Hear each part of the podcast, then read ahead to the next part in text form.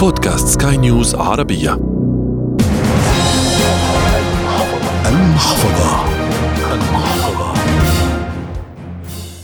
عام جديد يبدأ. كل عام وأنتم بخير.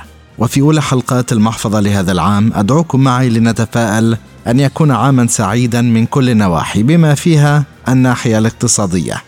قلنا هذا في بداية 23 لكن جرت النقود كما لا تشتهي المحفظة. أزمات حروب تداعيات لأزمات وللإغلاق العالمي وغلاء في الأسعار ارتفاع في الفائدة يعني باختصار اجتمعت كل العناصر ليكون الوضع المالي صعبا فهل سيكون 2024 أصعب؟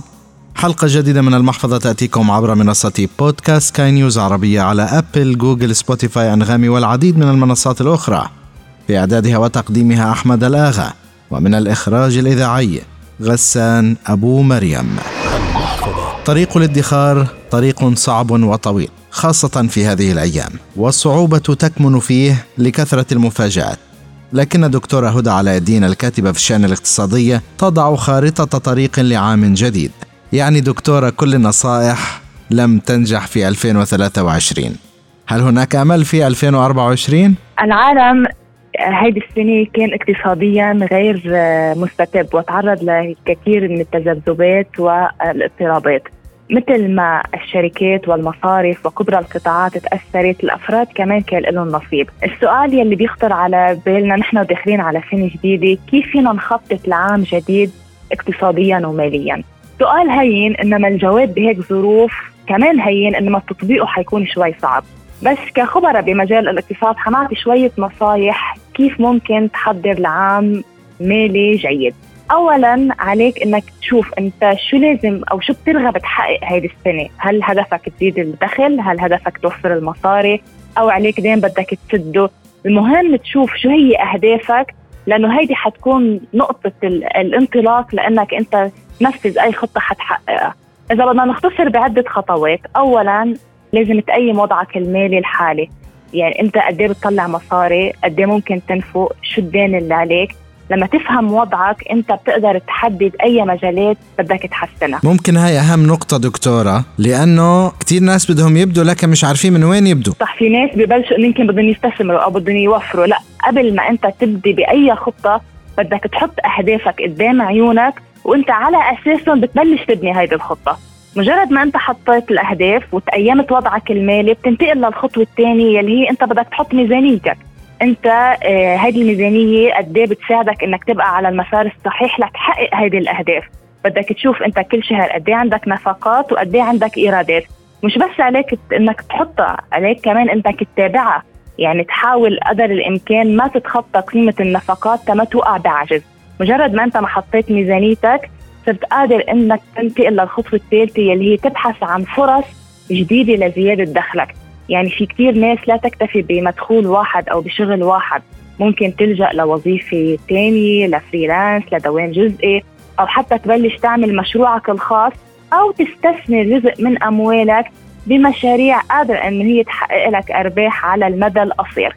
الخطوة الرابعة إنك قد ما فيك تقلل من نفقاتك حتى لو أنت حطيتهم بميزانيتك إنه أنت عندك هالقد بس نقطة تحتسب لك إذا أنت قدرت تقلص من نفقاتك على حساب الإيرادات.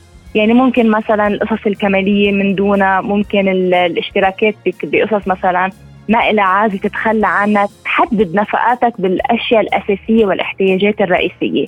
كمان آه لتكون أنت آه محوط حالك لسنة مالية جديدة مش بس جديدة يعني قادر إنك تحمي حالك فيها لازم تشيل جزء من المال للطوارئ. هيدي ضرورية جدا لأنه نحن بوضع منه ستيبل وممكن بأي لحظة أنت تتعرض لخضه ما تكون حاسب لها حساب فعندك معاش أو اثنين من هال 12 شهر هول لازم ينشالوا على جنب لخطه طوارئ والخطوه الأخيرة مجرد ما أنت حسيت حالك قادر تلتزم بهذه الموازنة وقادر تكون على السكة الصحيحة فيك تبلش بالاستثمار الاستثمار بيكون الخطوة الأخيرة مش الخطوة الأولى لأنه أنت ما فيك تستثمر وعليك دين ما فيك تستثمر وعليك كثير نفقات. أنت بتستثمر بالمصاري يلي هي آه، فائضة. زيادة عنك وإنك منك بحاجة لها فبتبلش تفتش على طريقة مثالية لتنوع هذا الاستثمار. وينصح إنه بأول خطوات ما يكون الاستثمار باستثمار في كثير مخاطر أو هاي ريسك نقي الاستثمار مثل مثلا آه عقار ذهب. بمشروع صغير صح بالذهب بالعقارات يعني بقصص ما تخسر أنت في رأس مالك. طب دكتورة هل من الممكن أن تأتي في 2024 أزمة عالمية تلغي كل هذه النصائح؟ يعني صراحة كل البوادر بتقول أنه 2023 هو بداية لأزمة عالمية. يعني للقطاع المصرفي كان سليم ولا حتى الدولار ولا حتى النفط. اجراءات الفدرالي أيضا. طبعا يعني نحن يعني هيدا السنة إذا بدك نقول عنوانه الرئيسي هو كان سياسة الفدرالي الأمريكي يلي فعلا أثر على كافة على بنيان الاقتصاد العالمي.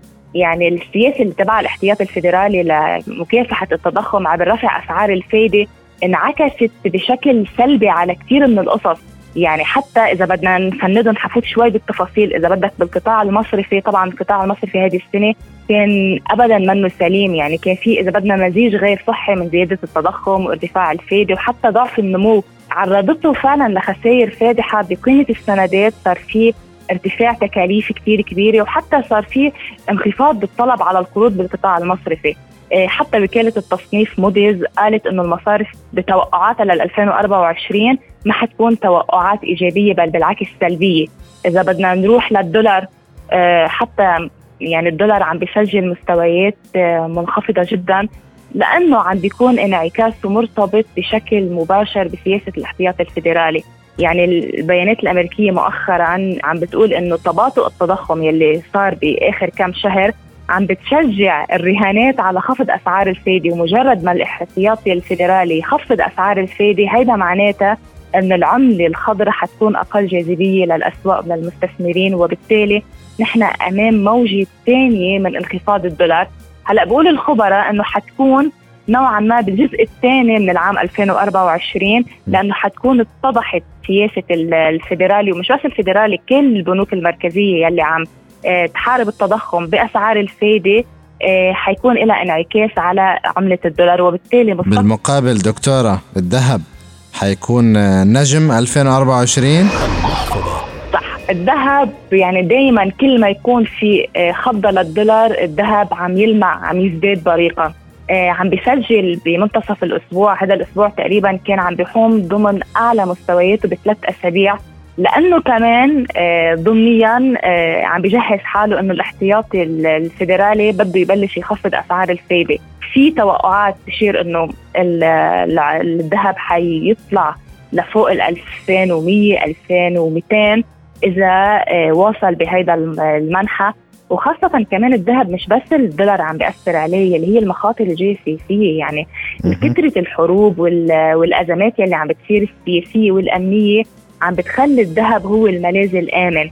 فالذهب عنده آه، طالع جيد إذا بدنا نقول هيدا العام. اولا بتبلش إذا خفضت أسعار الفايدة آه، إذا ضعف الدولار الأمريكي. حتى البنوك المركزية عم تلجأ لشراء الذهب وبالتالي هذا عامل كثير مهم للذهب.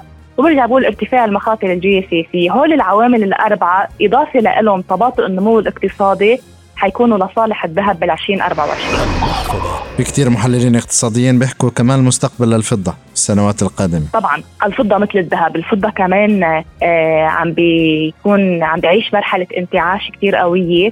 آه خاصة إنه عم يدخل بتصنيع كثير آه صناعات. واللي عم بيغذي الفضة هي الأسواق الناشئة. وهون برجع بكرر انه الصين عم تلعب دور أساسي باستخدام الفضة أو آه، ارتفاع الطلب على الفضة. بدي اشير لشغلة إنه انتعاش الأسواق الصينية إذا استمر بال 2024 طبعا حيكون لها انعكاس كثير كبير على القطاع المصرفي وعلى الدولار. طالما ما الصين عم ترجع تقوى اقتصاديا بالمقابل عم بيكون هيدا الشيء مش لصالح الاقتصاد الأمريكي.